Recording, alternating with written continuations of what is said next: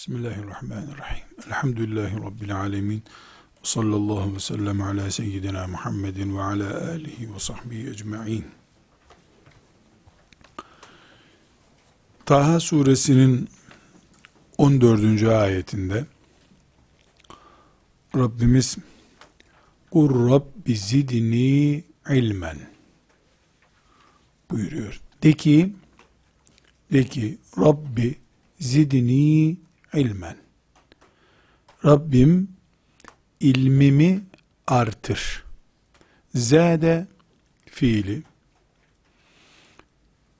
zade yezidu ziyadeten artmak manasındadır. Türkçe bir kelime zaten ziyade fazlalaşmak.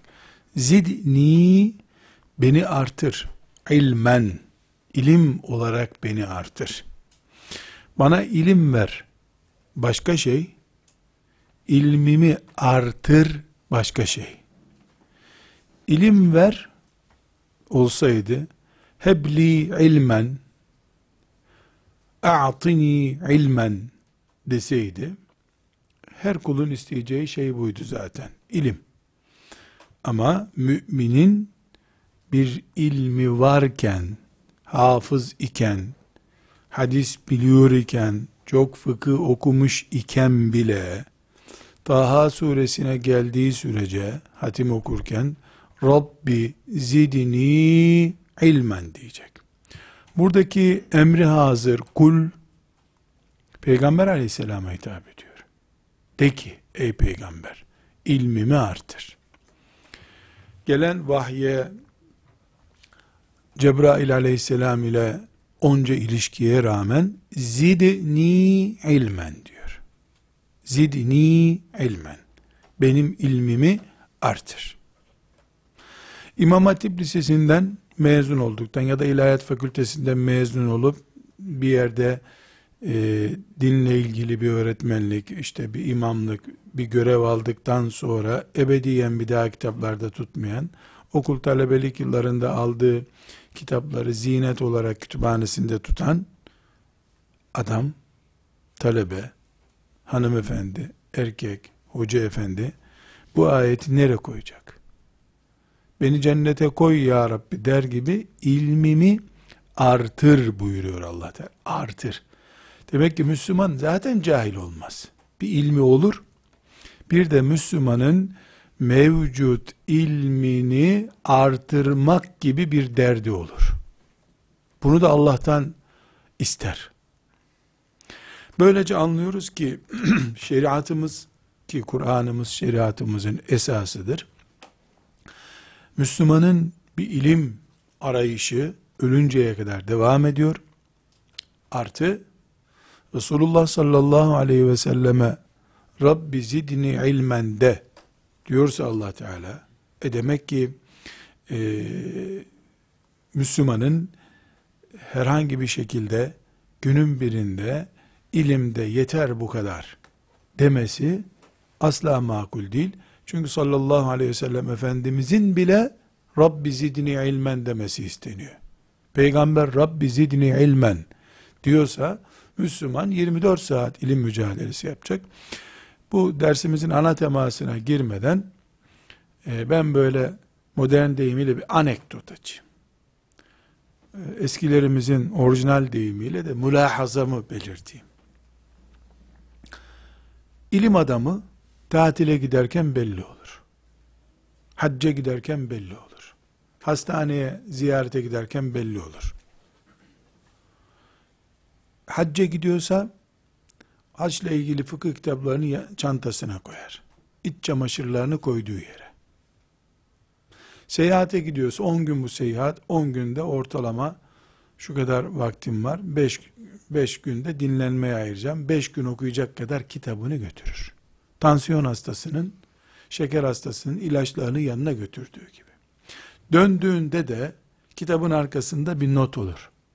Elhamdülillah bu kitabı tatil için gittiğim köyümde yatsı namazından sonra ziyaretler bittikten sonra oturup okudum. Çocukları da babalarının kütüphanelerini incelediği zaman 50 sene sonra bakarlar ki babaları tatile gittiğinde 7-8 cilt kitap okuyormuş tatilde. Babaları hacca gittiğinde filan fıkıh kitabını Arafat'ta vakfeden sonra okumuş. Rabbi zidni ilmen bu demektir. Sadece kütüphanede mesai saatlerinde talebe kitap okur. İlim adamı tatilinde de kitap okur. İbn Teymiye'nin babasıyla dedesiyle ilgili e, menkıbeyi defalarca zikrettim.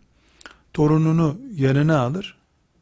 Tuvalete gittiğinde, tuvalete gitmek biliyorsunuz şimdi evlerin içinde, asırlar öncesinde tuvalet mesela köyün mezbelelik bir yerine gidiyor herkes tuvalet için. İnsanlar günde yedi defa yemek yemediklerinden de her saat başı tuvalete gitmeleri gerekmiyor. Tuvalet genelde yatarken ve kalktıktan sonra iki defa resmi ihtiyaçtır tuvalet. Ve herkes tuvalete gitme saatini üç aşağı beş yukarı bilir. Bünye alıştı mı bir saatte boşaltmaya ömür boyu öyle devam eder. Dolayısıyla bizdeki gibi evin içinde yedi sofra kurulduğunda günde yedi de tuvalete gitmek gerekiyor. Onlar zavallılar bir sabah bir akşam yedikleri için de akşam sabah bir kere tuvalete gitme ihtiyaçları yetiyordu. Bu zat Allah rahmet eylesin. Tuvalete gideceği zaman işte 3 dakika 4 dakika tuvalette duracak çok vakit israfı oluyor diye torununu yanına alır. Oğlum şurada kaldım sen dışarıdan sesli oku e, okumam devam etsin diyor. O tuvalette defi hacetini yapıyor. Torunu da dışarıda okuyacağı son notları okuyor. Vakit kar ediyor. Bunlar böyle e, sahih bilgiler olmasa hiç inanasım gelmiyor. Aklıma almıyor. Nasıl bir şey bu ya? Helada da bitmeyen bir okuma aşkı olur mu? Helada devam eder mi okumak?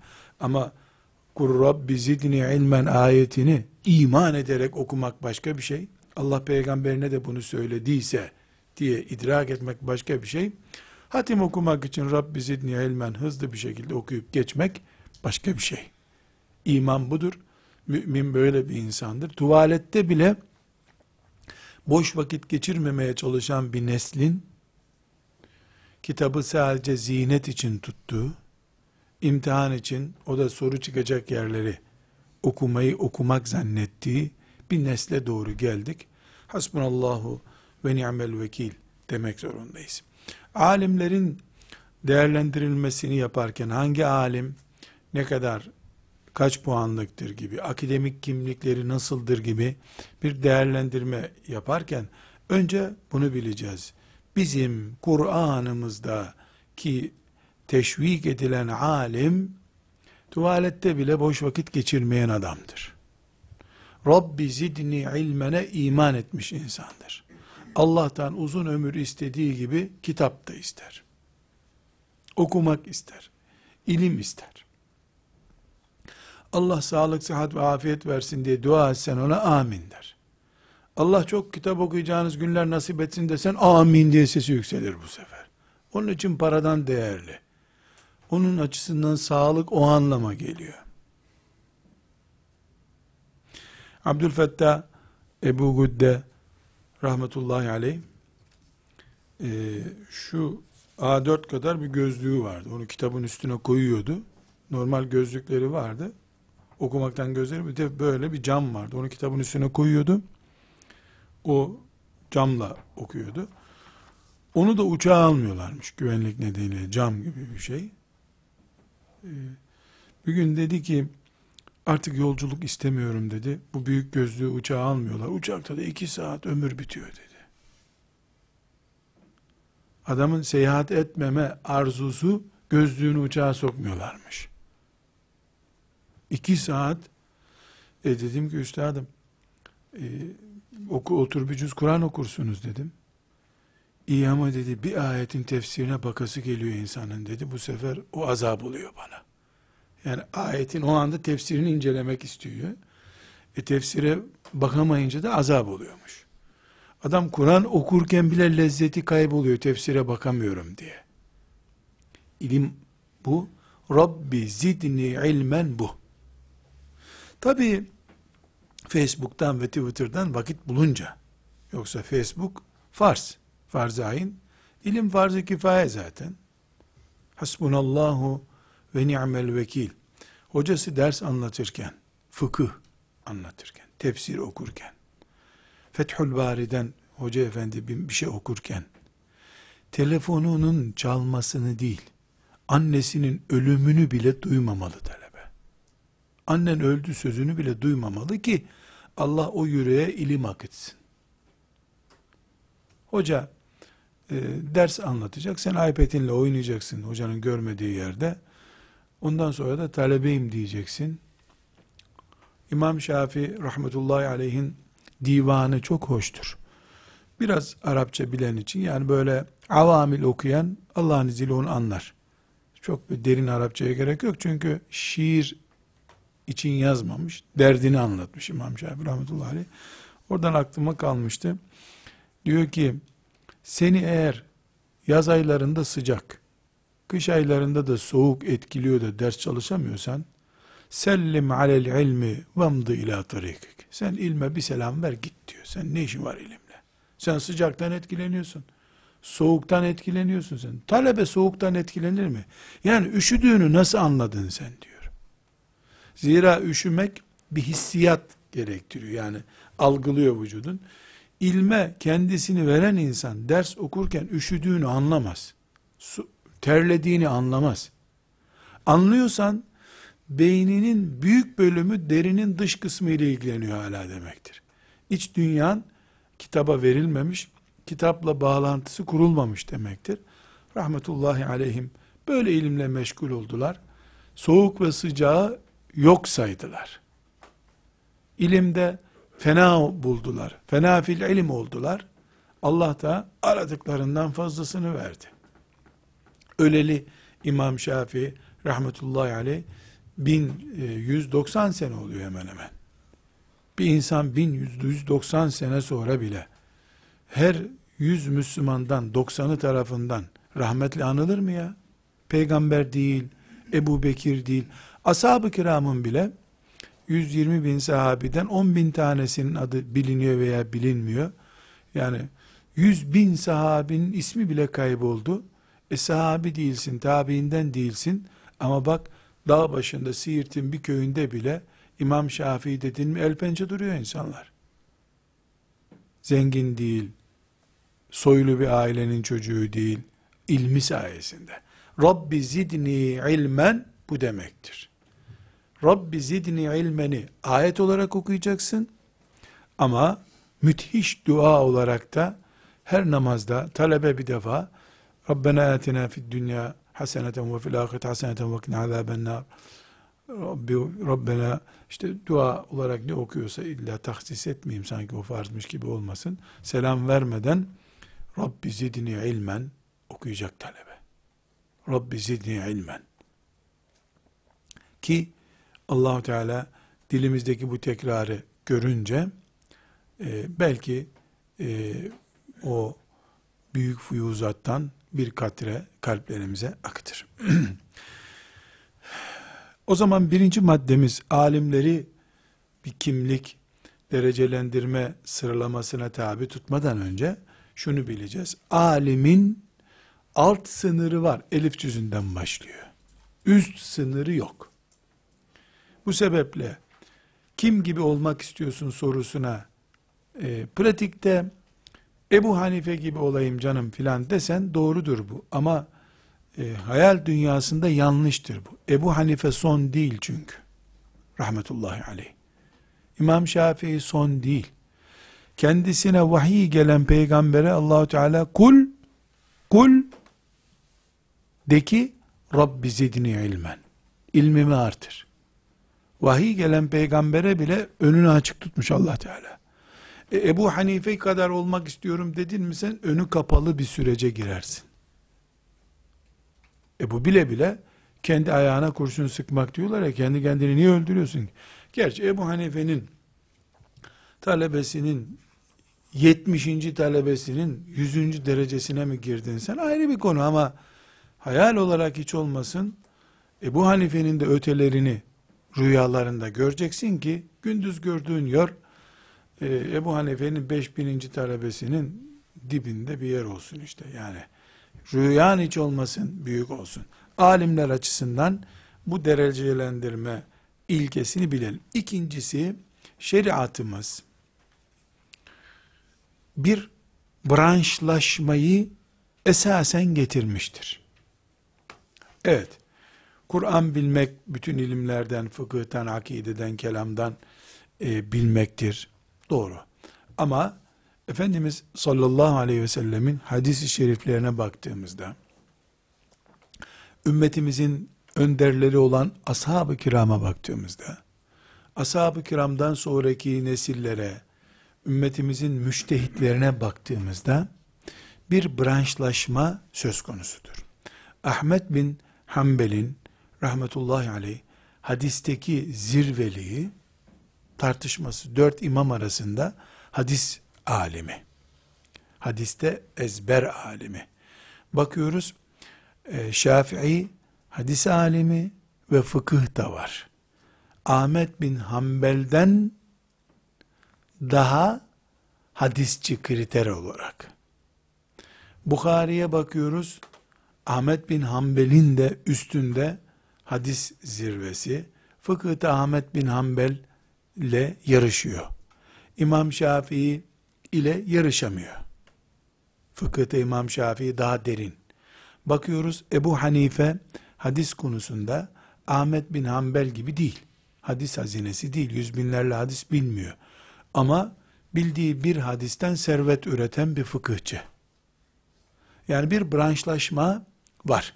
İmam Azam rahmetullahi aleyhin kendisi ile talebeleri arasında bile bir e, tartıma yaptığını görüyoruz ulemanın. Mesela bir fıkıh kitabında e, siyasetle ilgili, ticaretle ilgili konularda Ebu Yusuf tercih ediliyor. Ebu Yusuf'un fıkhını tercih edelim diyorlar.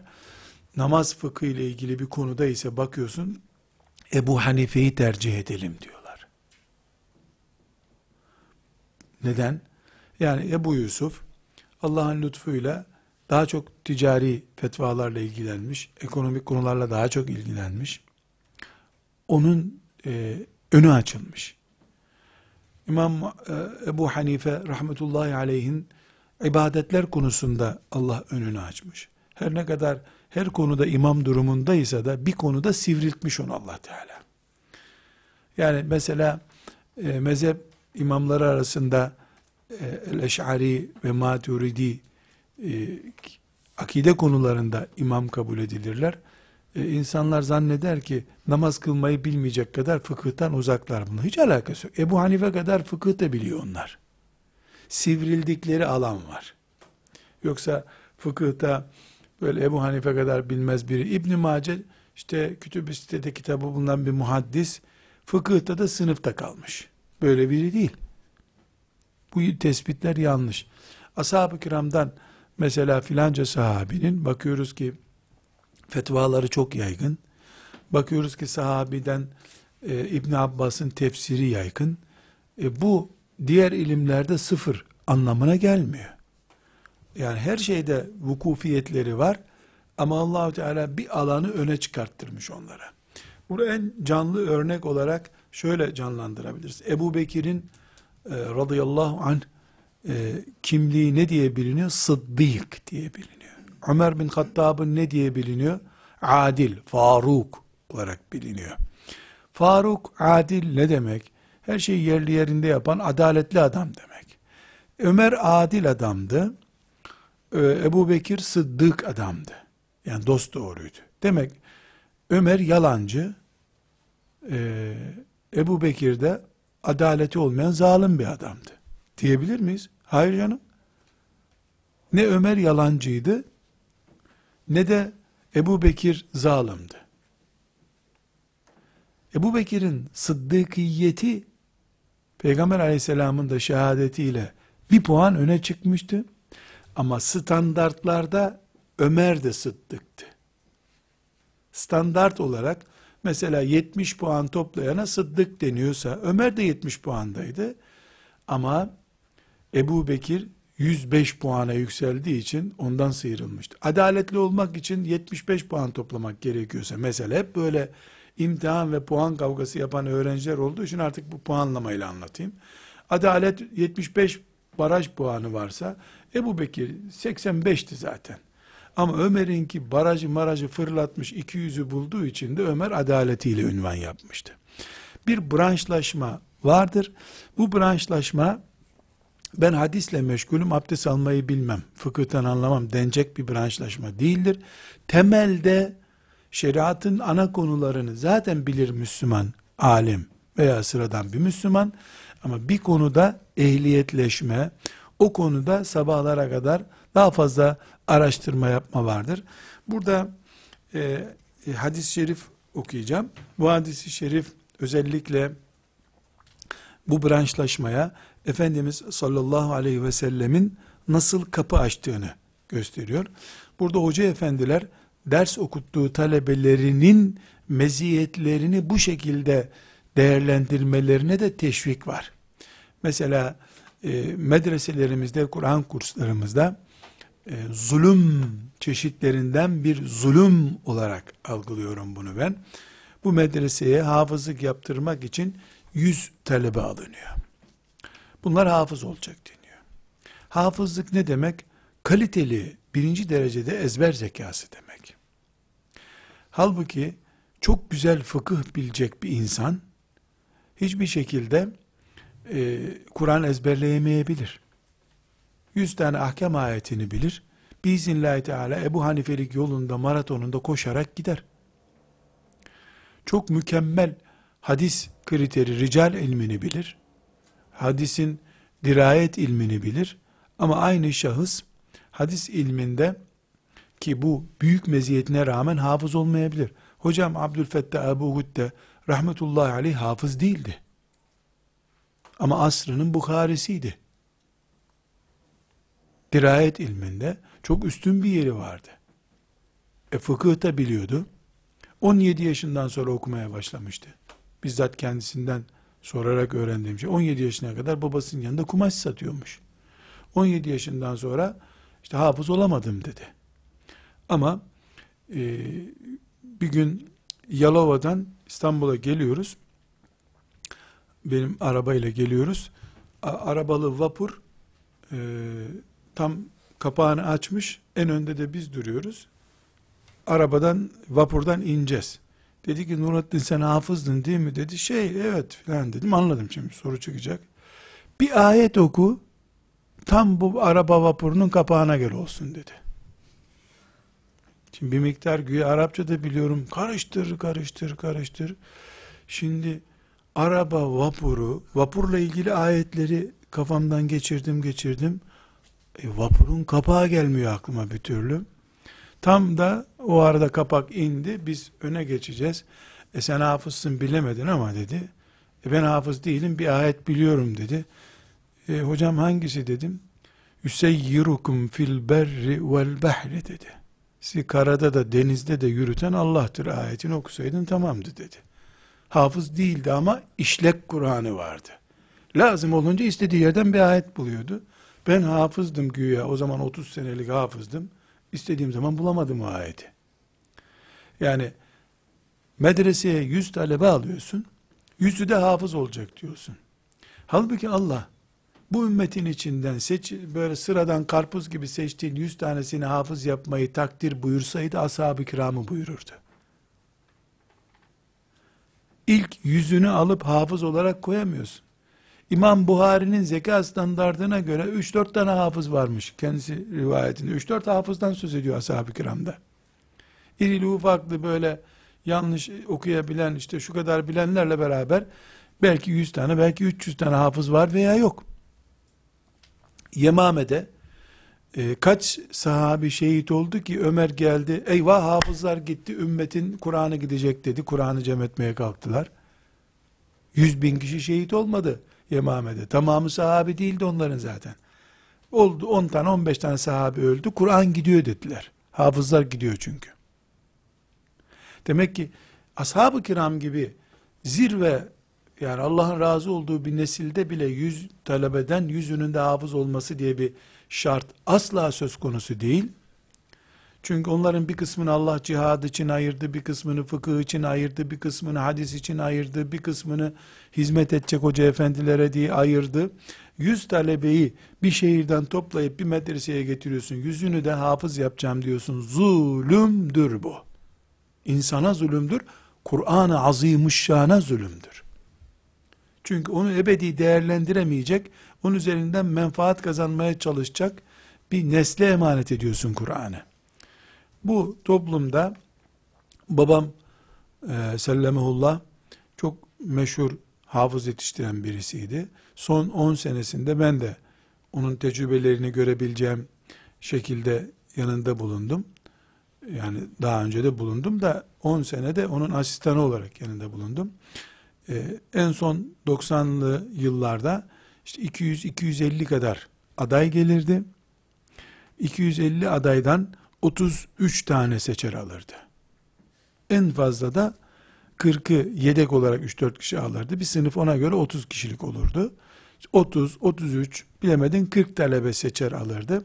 Hemen hemen gelen talebenin beşte birini e, eler beşte bir oranında bir kabul yapardı. O kadar da ağır bir testler yapardı ki yani çocuğu böyle psikolojisinden e, dudak testine kadar her şeyini yapardı. Mesela çocuğa gül bakayım yavrum derdi. Dudaklarının açılışını test ederdi. Bunun dudakları çok hantal. Buna vav yaptıramayız biz derdi. Bunun dudakları çok küçük. Bağır deyince bu bağıramaz. Ezanını kimse duymaz derdi. Böyle binlerce hafız talebesi önüne oturduğu için birikimi vardı. Ben böyle sıradan bir hocadan bahsetmiyorum. Defalarca bahsettim. Hocam altı talebeyi aynı anda ders dinlerdi. Altısı da cüz okuyor. Otururdu masasına gözlerini kapatır elini böyle oturturdu. Her talebenin barkod numarası var burada. Bismillahirrahmanirrahim diye başlarlar. Çünkü 70-80 hafızı dinliyor her gün. Sabah namazında başlıyor. Öğleye kadar bitirme ilkesi var. İşte 6 talebeyi oturtur. Altısı da cüz okuyor. Kimi iki cüz okuyor. Kimi üç cüz okuyor. Öyle. Herkes işte bu dördüncü talebe yanlış yapınca parmağı hareket eder. Talebe de anlar yanlış okudum. Tekrar ederdi. Altıncı talebede bu parmak oynuyor. Gözü kapalı. Böyle bir hafızdı. Bu kabi yani bunları metüsena etmek için anlatmıyorum. Ama bu şekilde Kur'an'la haşır neşir bir adamdı. E, talebeye soru sorar, edebine, ahlakına işte dediğim gibi dudakları çok hantal bunun. Çok yorar hocayı derdi. Zekasını test ederdi uyduruk uyduruk numaralar söyler bir kere de ezberlemesini isterdi. Bunları ben hep gözlerimle gördüm. Seçer seçer 30 talebe alırdı. Hayatı boyunca hiç o 30 talebeden 30 hafız çıkaramamış. Bütün bu ağır elemelere rağmen. 12, 13, 15 olduğu zaman çok hamd ederdi. 15 hafız çıktı bunlardan diye. Yani döke döke alırdı. Çok ağır ki İstanbul'da bilinirdi Hilmi Hoca'nın e, hafızı kuvvetlidir. Kuvvetli dediği şey de neydi? E, sabah namazında sen hafızım dediğin zaman sabah namazında seni önüne oturtur. Kendisi de oturur. Başlayacaksın. İkindi ezan okunmadan minel cinneti ve nas diyeceksin. Bilemediğinde beş defa yanlışın çıkacak. O zaman hafız derdi talebi. Öbür türlü hafızlık icazeti de vermezdi. Böyle hafız yetiştiren birisi olduğu halde yani onun standartlarına göre ölçüm yapıyorum. İşte bu size özetini anlattığım şeyde e, İstanbul çocuğunda e, hafızlık yapma oranı yüzde birlerin altında. Yüzde birlere filan tekabül ediyor bazen düşüyor. E, Anadolu'dan hiç şehir görmemiş çocuklarda bu e, yüzde sıfır onda beşlere kadar düşüyor. Şehir çocukları daha böyle aktif zekalar hareketli olmuş oluyor. Buna rağmen Kur'an kursuna talebe bulmak zorunda olduğun için 100 talebeyi alıyorsun, hafızlık yaptıracağım diyorsun. Bir defa bu idaatül ilim, ilmi ehli olmayana vermektir. Kız veya erkek bir şey değişmiyor bu konuda. Hafızlık yaptırırken dövüyorsun, vuruyorsun. Rahmet kitabı Kur'an çocuğun azap kitabına dönüşüyor. Hocanın sinir sistemi bozuluyor, tansiyonu yükseliyor.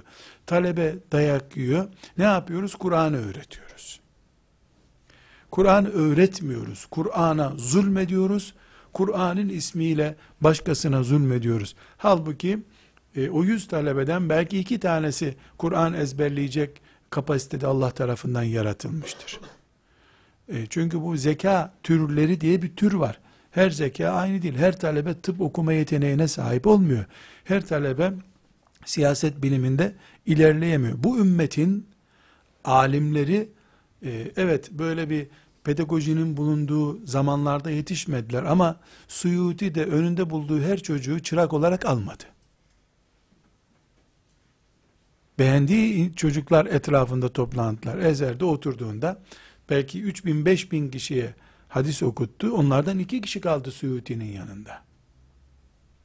Herkese icazet vermediler. Ee, bir zeka türü, kabiliyet türü, aile şartları itibariyle fırsat değerlendirme türü diye diyebileceğimiz e, kabiliyetler var. Bunlara dikkat etmeden ne hafız yetiştirmek, ne fakih yetiştirmek doğru değildir.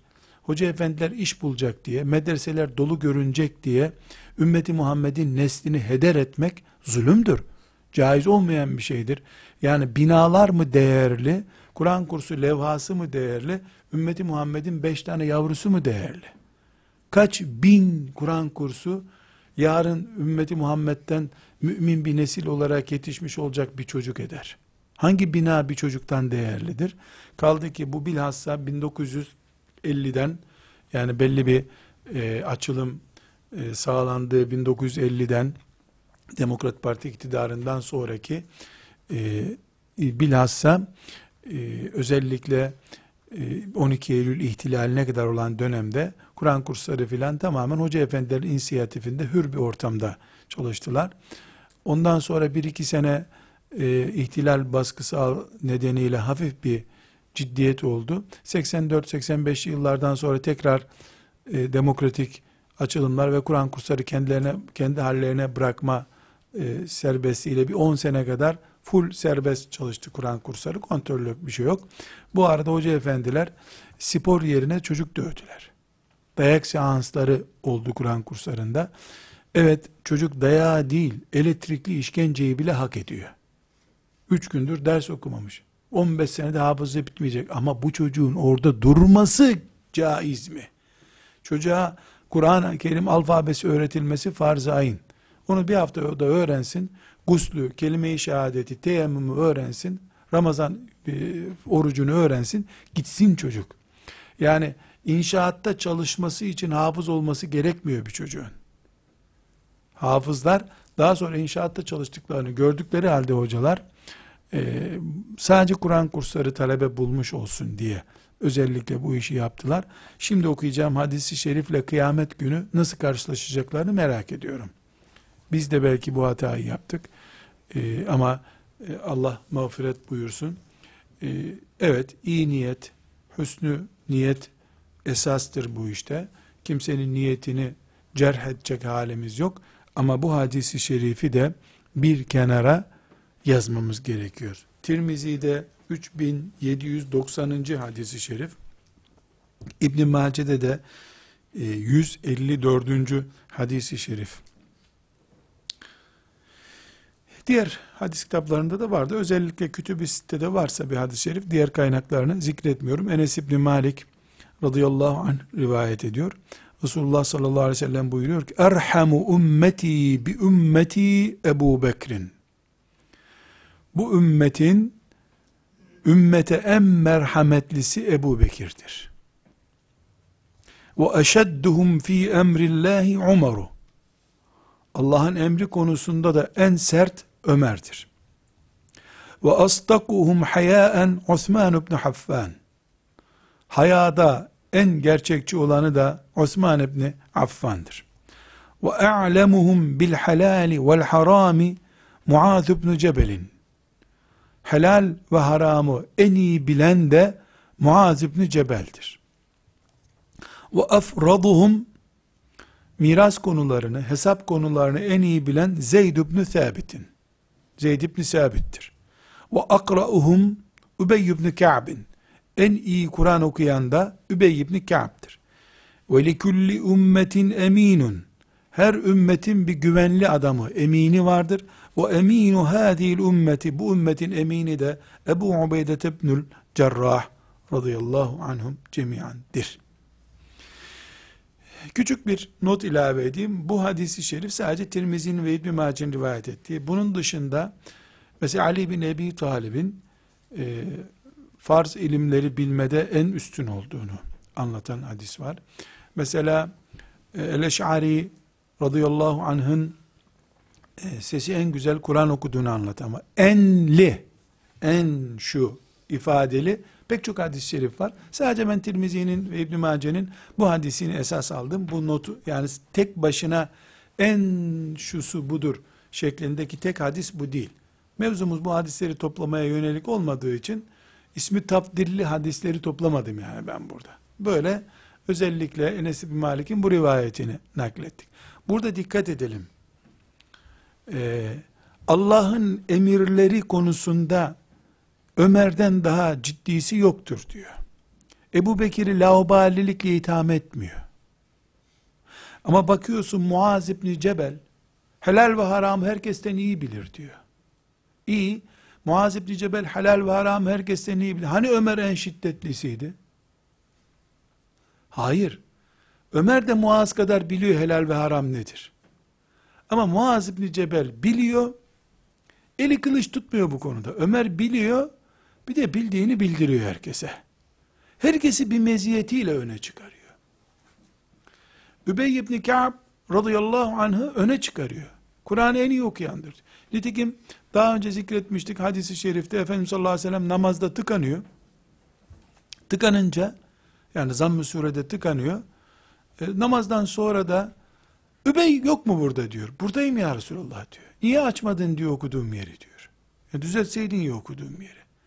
E ne bileyim ya Resulallah belki böyle okunacak bundan sonra geçtiği içimden. Yani koca kendisine ayet inen peygamber, vahiy inen peygamber e, oğlu durumunda diyelim hani işin diyoruz ya oğlu yaşında. Oğlu yaşında birisine düzelseydin ya okuyuşumu diyor. Arkasında Ebu Bekir namazdaydı muhakkak. Ebu Bekir'e niye düzeltmedin demiyor.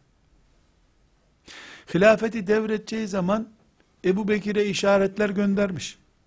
Namaz kıldırmaya hastayım ben Ebu Bekir'i çıkarın demiş. Namazdaki zam müsürü hatasını Übey nerede demiş. Übey düzeltsin demiş. Bu nedir? Herkese bir meziyet takdir buyurmuş. Ve bunu da yani herkese bir mavi boncuk verelim diye değil. Kabiliyetlerine göre. Zeyd ibn Sabit'e gidin o çocuğun matematiğe kafası çalışıyor şeklinde ikaz yapmış. Mesela mirasla ilgili şeyler bir matematik zekası gerektiriyor. Zeyd'e gidin demiş. Zeyd, Zeyd'e gidin dediğinde en yüksek ihtimalle 20 yaşındaydı. En yüksek ihtimalle. 21 olması mümkün değil. Kendisi de 62 yaşındaydı o gün. Ebu Bekir 60 yaşındaydı. 60 yaşında bir insana 40 yaş küçüğü olan Zeyd'e git diyor. Branşa saygı bu. Ama bu branş mecburiyetten başka bölüm bulamadığı için o bölüme girmiş. İşte bir tıbba giremiyor, hukuka giremiyor. Bari ilahiyat okuyup din adamı olayım. Bari, bari ilahiyat okuyayım dediği için diyene bu ümmetten hiçbir şey gönderemeyiz. Git filancaya sor diyemeyiz. Bari din öğrenmiş o çünkü. Ama kabiliyeti, himmeti dine yönlendirilmiş bir genç velev 14 yaşında olsun. Suyuti ilk kitabını 14 yaşında yazmış. 14 yaşında. Akıl bali değil. Hiç önemli değil bizim için. İlimde bali olmuş. Fizyolojik olarak bebek olsa ne olacak? İlimde bali olmuş. Mühim olan bu. Bu İbtirmizi hadisi şerifini unutmuyoruz. Herkes hafız olacak. Herkes Arapça okuyacak. Herkes e, fıkıh bilecek demek zulümdür.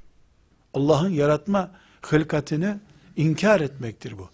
Kızlar da sakal bırakmadıkça Müslüman olamazlar demek gibi bir şey bu. Vermediğini Allah'ın kuldan nasıl istersin sen? E bizim medreseye e, talebe bulamıyoruz. E, o başka bir mesele. O siyasi bir sorun. Ümmetin yönü e, matematiğe doğru kaymışsa o bedelini Kur'an ödemesin onun. Bedelini veliler ödesin. Kapatırsın Kur'an kurslarını. İnsanlar ezansız, namazsız bir döneme geçerler. Akılları başlarına gelirler. Ne yapalım? İkinci bir hadisi şerif e, sahabe sözü İbn Abbas'tan dinliyoruz. Tabarani'nin Evsat'ında 3783. hadisi şerif.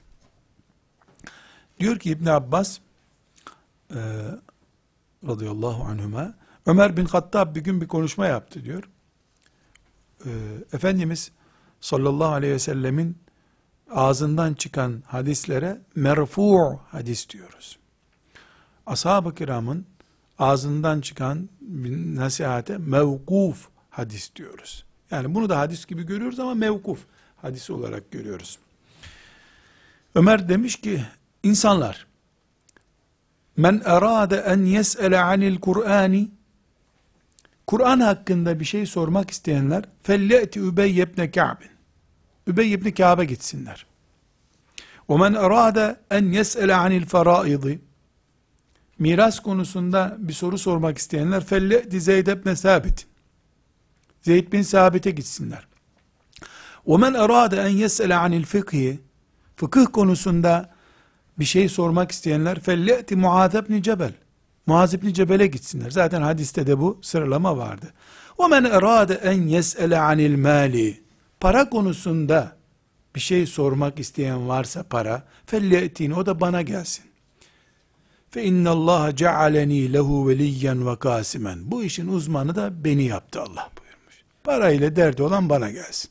Alacağım vardı vermiyordu. Git Ömer'e bak nasıl alıyor. Müthiş bir taksimat bu. Zekaya, kabiliyete, siyasi fırsatlara göre, hılkate göre, Allah Teala bütün kullarını bütün branşlarda uzman yapmayı murad etmemiş. Böyle bir şey hayata aykırı zaten. Bir sokakta oturan herkesin bakkal açtığını düşünelim. Herkes bakkal açıyor. Yüz hane var, yüzde bakkal var. Kim kime ne satacak? Hayat durur. Herkes terzi. Kimin elbisesini dikecekler? Hayat rengarenk olmayı gerektiriyor. Bir terzi, bir bakkal, bir manav, bir nalbur yeterli. İkincisi rekabet için gerekli. Üçüncüsü iş yapamayacak. İlim de böyle. Bu verdiğimiz örnekler sahabeden, tabiinden, fukahadan verdiğimiz örneklerde bu çok rahat anlaşılıyor. Alimleri değerlendirme mantığımızda dedik ki bir kere alim mezara girmeden kitaplarını rafa koymayan adamdır. İki, alim bir kapasitede, bir alanda, bir kabiliyette sıyrılmış insandır. Temel farz ilimleri herkes bilir, alim daha iyi bilir ama Zeyd ibn Sabit miras ilmini daha iyi bilir. Muad ibn Cebel radıyallahu anh helal ve haramı yani fıkıh herkesten iyi bilir. Hayada örnek Osman İbni Affan'dır. Ama Muaz hayasız biri değil. Herkesi Allah bir şeyde sıyrıl, sivriltti. O sivrildiği alanın zekatını verdi o da. Üçüncü noktamız, biz ulemaya masum bakmıyoruz dedik. Dalalettir alime masum bakmak alim bir terazide tutulur. İlmiyle, ahlakıyla, pratiğiyle bir kenara konur. Öbür kenarda da hataları, taktik yanlışlarıyla bir kenara konur. Eğer alim yüz teftişte 80'inde e, kötü kötü işlerde yakalanıyorsa 20 güzelliğinden dolayı alim listesine alınmaz. Eğer alim yüz teftişte yani yüz incelememizde 3, 5, 10 hatasına şahit oluyoruz da 70-80 de himmetine, gayretine şahit oluyorsak alemi kaybetmeyiz. Bu benim kanaatim değil. Ümmetimizin selefinin kanaatidir. Ashab-ı kiram da böyle değerlendirildi zaten. Ne cahiliye dönemindeki bataklıklarından dolayı ashab-ı kiramı tepeledik. Allah onlardan razı olsun. Ne de sahabe olduktan sonra ufak tefek hataları oldu. Onlardan dolayı tepeledik. Efendimizin önünde yanlışlar yaptılar. Hiçbir şekilde ne Ebu Bekirlikleri, ne Muazlıkları, hiçbir ünvanlarını kaybetmediler. E çünkü kul olarak yaşadılar. Alim de kuldur nihayetinde. İnsandır, melek değildir. Bu hususta e, Said İbni Müseyyeb'in güzel bir sözü var. E, Cami-i Beyanil İlm İbn Abdülberr'in Cami Beyanil ilminden e, naklediyorum. 1540. paragraf olarak naklediyorum. E, Said İbni Müseyyep rahmetullahi aleyh bildiğiniz gibi tabiinin zirve şahsiyetlerinden biri. E, çok müthiş bir test ölçüsü koyuyor. Bunu alim içinde kullanacağız. Özellikle e, bu noktada bir tespit yapmak istiyorum. Başımıza gelen musibetlerden biri. Ümmetimiz 100 seneye yakın bir zamandır halifesiz, başsız, dipsiz bir hayat yaşıyor. Alimlerin e, en çok başının ağrıdığı konulardan biri bu siyaset konularıdır. Ulemamız deyim yerindeyse halifesiz, başsız bir döneme hazırlıksız yakalandılar. Böyle bir afet olur zannetmediler. Hala da ulema başsızlığın başı olmaya hazır görünmüyor. Ders okutabiliyor, fetva verebiliyor, siyaseti savuyor başından. İnsanlar da zaten alimden siyasi bir görüş sormaya tenezzül buyurmuyorlar. Ahireti, ebedi hayatını, milyonlarca milyarlarca senelik cennetini ondan öğreniyor, beş dakika sürecek bir oy kullanmayı alime sormaya tenezzül edemiyorlar. Bunun bir nedeni de var ama, sorduklarında da akıllı cevaplar almakta zorlandı alimler. Hilafeti kaldırmış, ümmeti Muhammed'le savaşmayı bin senede olsa üzerine ahd edinmiş. Kur'an'ı susturmuş, ezanı susturmuş, Kur'anları toplaymış, e, e, kağıt fabrikalarında hamur yapmış musafları, alimleri ipe götürmüş bir partiye oy verilebilir diyen alime de rastlamışlar. E, vatan Müslümanlar da haklı yani. Gerçi isteseler sahte parayla düzgün parayı ayırdıkları gibi böyle bir partiye oy verin diyen alimle böyle bir partiye oy verenin cenazesi kılınmaz diyen alimi de ayırırlardı isteselerdi. Ama her halükarda böyle bir afet yaşanmıştır. Alimlerimizin bilhassa siyasi tercihler konusunda, ekonomik tercihler konusunda e, zafiyetleri var. Yani faizin Allah'ın en büyük haramlarından bir haram olduğunu, zina ile boy ölçüştüğünü, alimler kürsülerden haykırması gerekirken, Allah rahmet eylesin, Necmettin Erbakan geldi siyaset adamı olduğu halde, faizle 30 sene savaştı, alimlerin gözünü açtı. Alimler yani yediğimiz ekmeğin bir bölümünün bankalara faiz olarak ödendiğini anlattı. Buna rağmen alimler abartı diye bunu anlamadılar.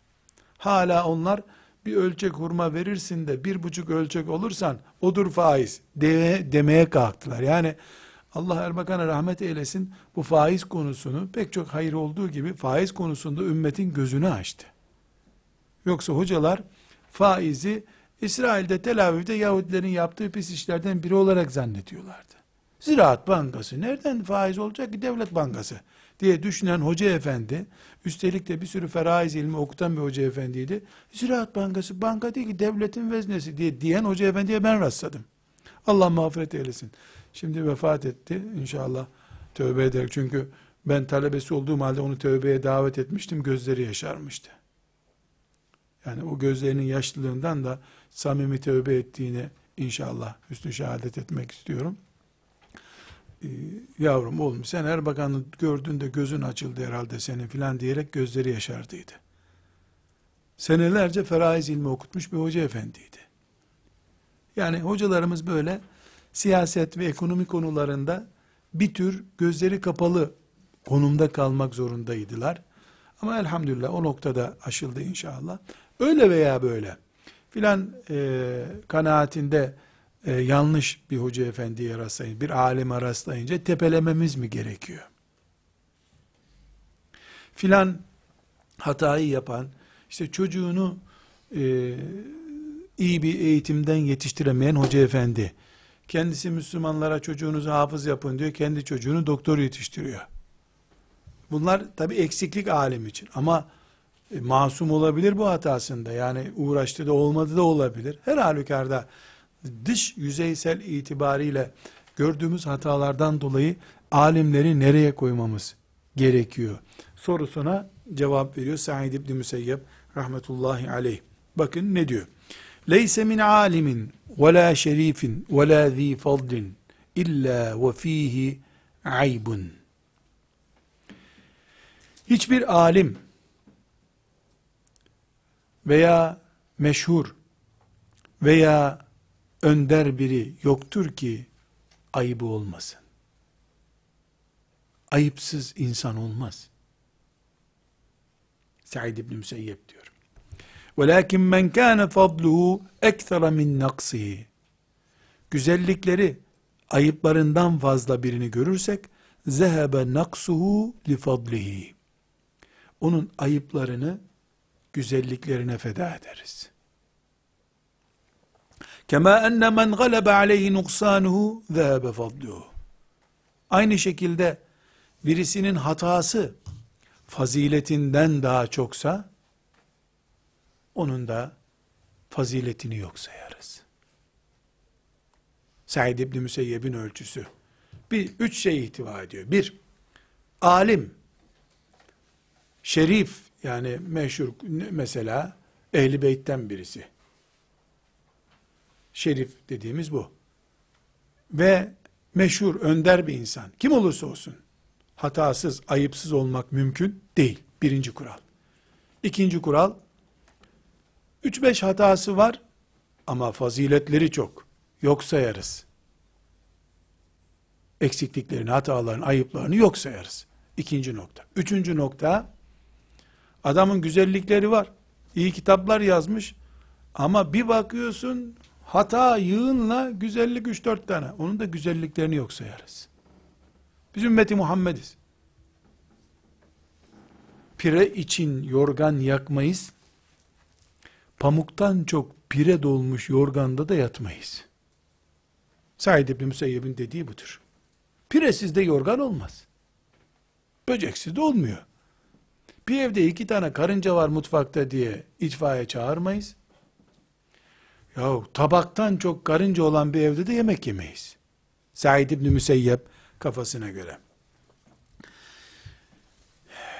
İbn Teymiye'nin Raf'ul Melam an Eimmetil A'lam diye bir kitabı vardır. İbn Teymiye bir kenara onunla ilgili bütün tartışmaları bir kenara koyup sadece bu kitabı muhteşemdir. Küçük bir kitaptır.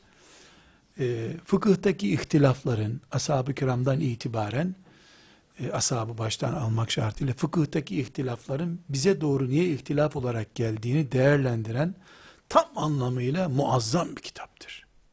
Küçük ama muazzam bir kitaptır. Böyle A4 kağıdı ile 30-40 A4 kağıdı anca yapar. Fıkıhtaki ihtilafın mantığını anlatıyor. Daha sonra bu ihtilaf konusunda yazılmış kitapların hemen hemen tamamının ana kaynağıdır. Yani tek kusuru var kitabın başında İbn Teymiye yazıyor. İbn Teymiye'yi kaldırsan Ahmetoğlu Süleyman diye yazsan maşallah subhanallahlık bir kitap olur. Biraz önce Said İbni Müseyyep'ten ne dedik? Biz pire için yorganı yakmıyoruz. Pireli yorganda da yatmıyoruz. Piresiz yorgan olmaz çünkü. Yani bu kitabı İbni Teymiye'nin her şeye rağmen muhteşem. Tale talebeler fıkhın e, dallanıp budaklanan, heyecan ve ürküntü veren karmaşıklığından kaçmamaları için bu mantığı almaları lazım. Yani fıkıh bir ihtilaftır. Bu ihtilafta rahmet vardır. Böyle olmasa fıkıh bugünlere gelmezdi. Din soğur kalırdı. Felsefesini, mantığını bu kitap çok güzel işliyor. Ref'ul melam an eimmetil a'lam. Kütüphanelerde olması gerekir. Eğer e, başın belaya girerse İbn Teymi üstündeki kapağını sil, bir etiketle yaz. Racülün min ulemâil ümme ya da racülün min ricalin nas filan gibi böyle bir başlık at. Bir adamın kitabıymış. Çünkü bize ilmi lazım. E, yani böyle derli toplu bunun gibi e, şık bir şekilde hazırlamış e, başka kitaplar da var ama e, bu asırda mesela ihtilafa karşı tavrımız diye e, Yusuf Karadavi'nin de çok güzel kitabı var. Ana kaynağı Raful Melam'dır ama. Raful Melam'ı adeta özümsemiştir. Özümsemiştir. E, illa ben bu asırdan okuyacağız diyorsak e, Karadavi'nin kitabı da çok değerli. Fakat Karadavi'yi okuyunca ve İbn Teymi'yi okuyunca iki fark ortaya çıkar arkadaşlar. İbn Teymi'yi okudun mu Ebu Hanife'ye daha titiz bağlanırsın. İbn Teymi Hanbeli olduğu halde. Karadavi'yi okursan kendini Ebu Hanife zannedersin. Yani Karadavi e, onu talebenin eline verdiğiniz zaman e, herkesin elinde kullanılmayacak bir silahı vermiş gibi olursun. İbn Teymiye ise e, bu gevşekliği vermez. Örnekleri, bakış tarzı itibariyle ikisi farklı. Ama ikisi de kütüphanemizde olması gereken kitaplardandır.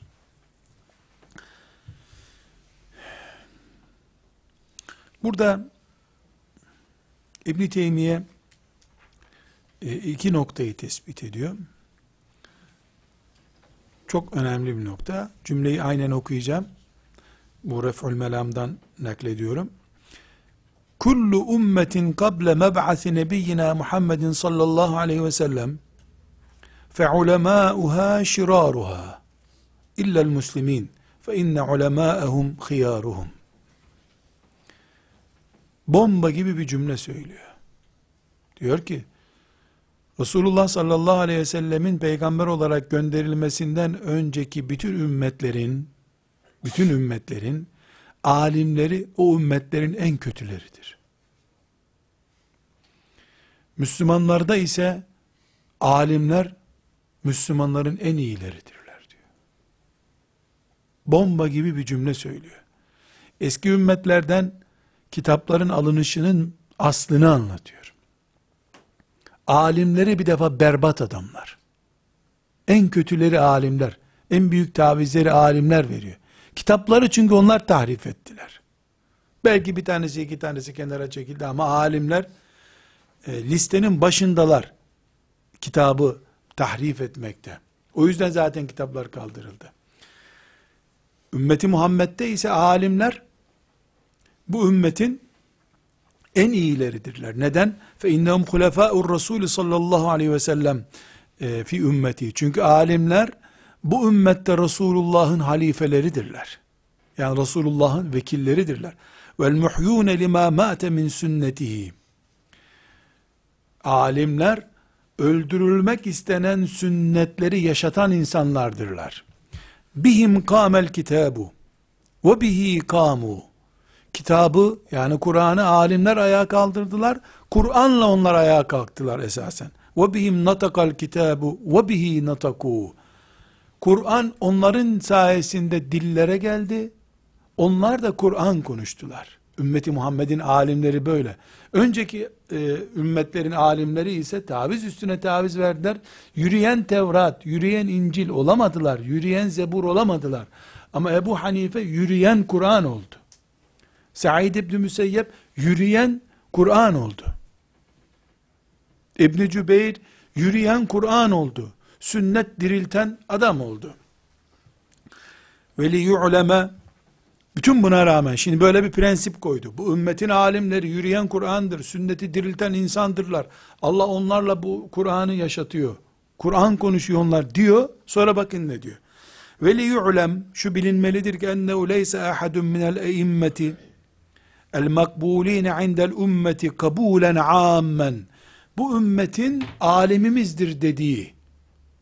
Yoksa öyle parazit birkaç kişi alimdir dedi önder tuttu ayrı. Bu ümmetin topluca Ebu Hanife gibi İmam Şafii gibi Said İbni Müseyyep gibi alimimizdir dediği alimler arasında hiçbir tanesi yeteammedu muhalefete Resulillah sallallahu aleyhi ve selleme fi şeyin min sünneti dakikin ve la celilin. bu ümmetin alimleri arasında küçük veya büyük herhangi bir meselede Resulullah böyle buyurdu ama ben bunu beğenmiyorum diyen biri yoktur. Ama önceki ümmetlerde mantık neydi? Musa böyle dedi ama şimdiki şartlar değişti. İsa böyle dedi ama şimdiki şartlar değişti diyen mantık vardı. Buradan nereye çıkıyoruz? Biz alimleri bir seviyede tutuyoruz. Bu seviyenin mantığı nedir? Önceki ümmetlerin alimleri gibi olmadıklarındandır.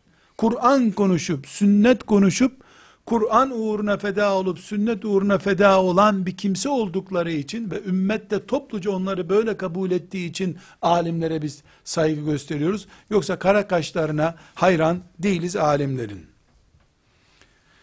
Evet, bu meselemize devam edeceğiz inşallah. Ve sallallahu ve sellem ala seyyidina Muhammed ve ala alihi ve sahbihi ecma'in velhamdülillahi rabbil alemin.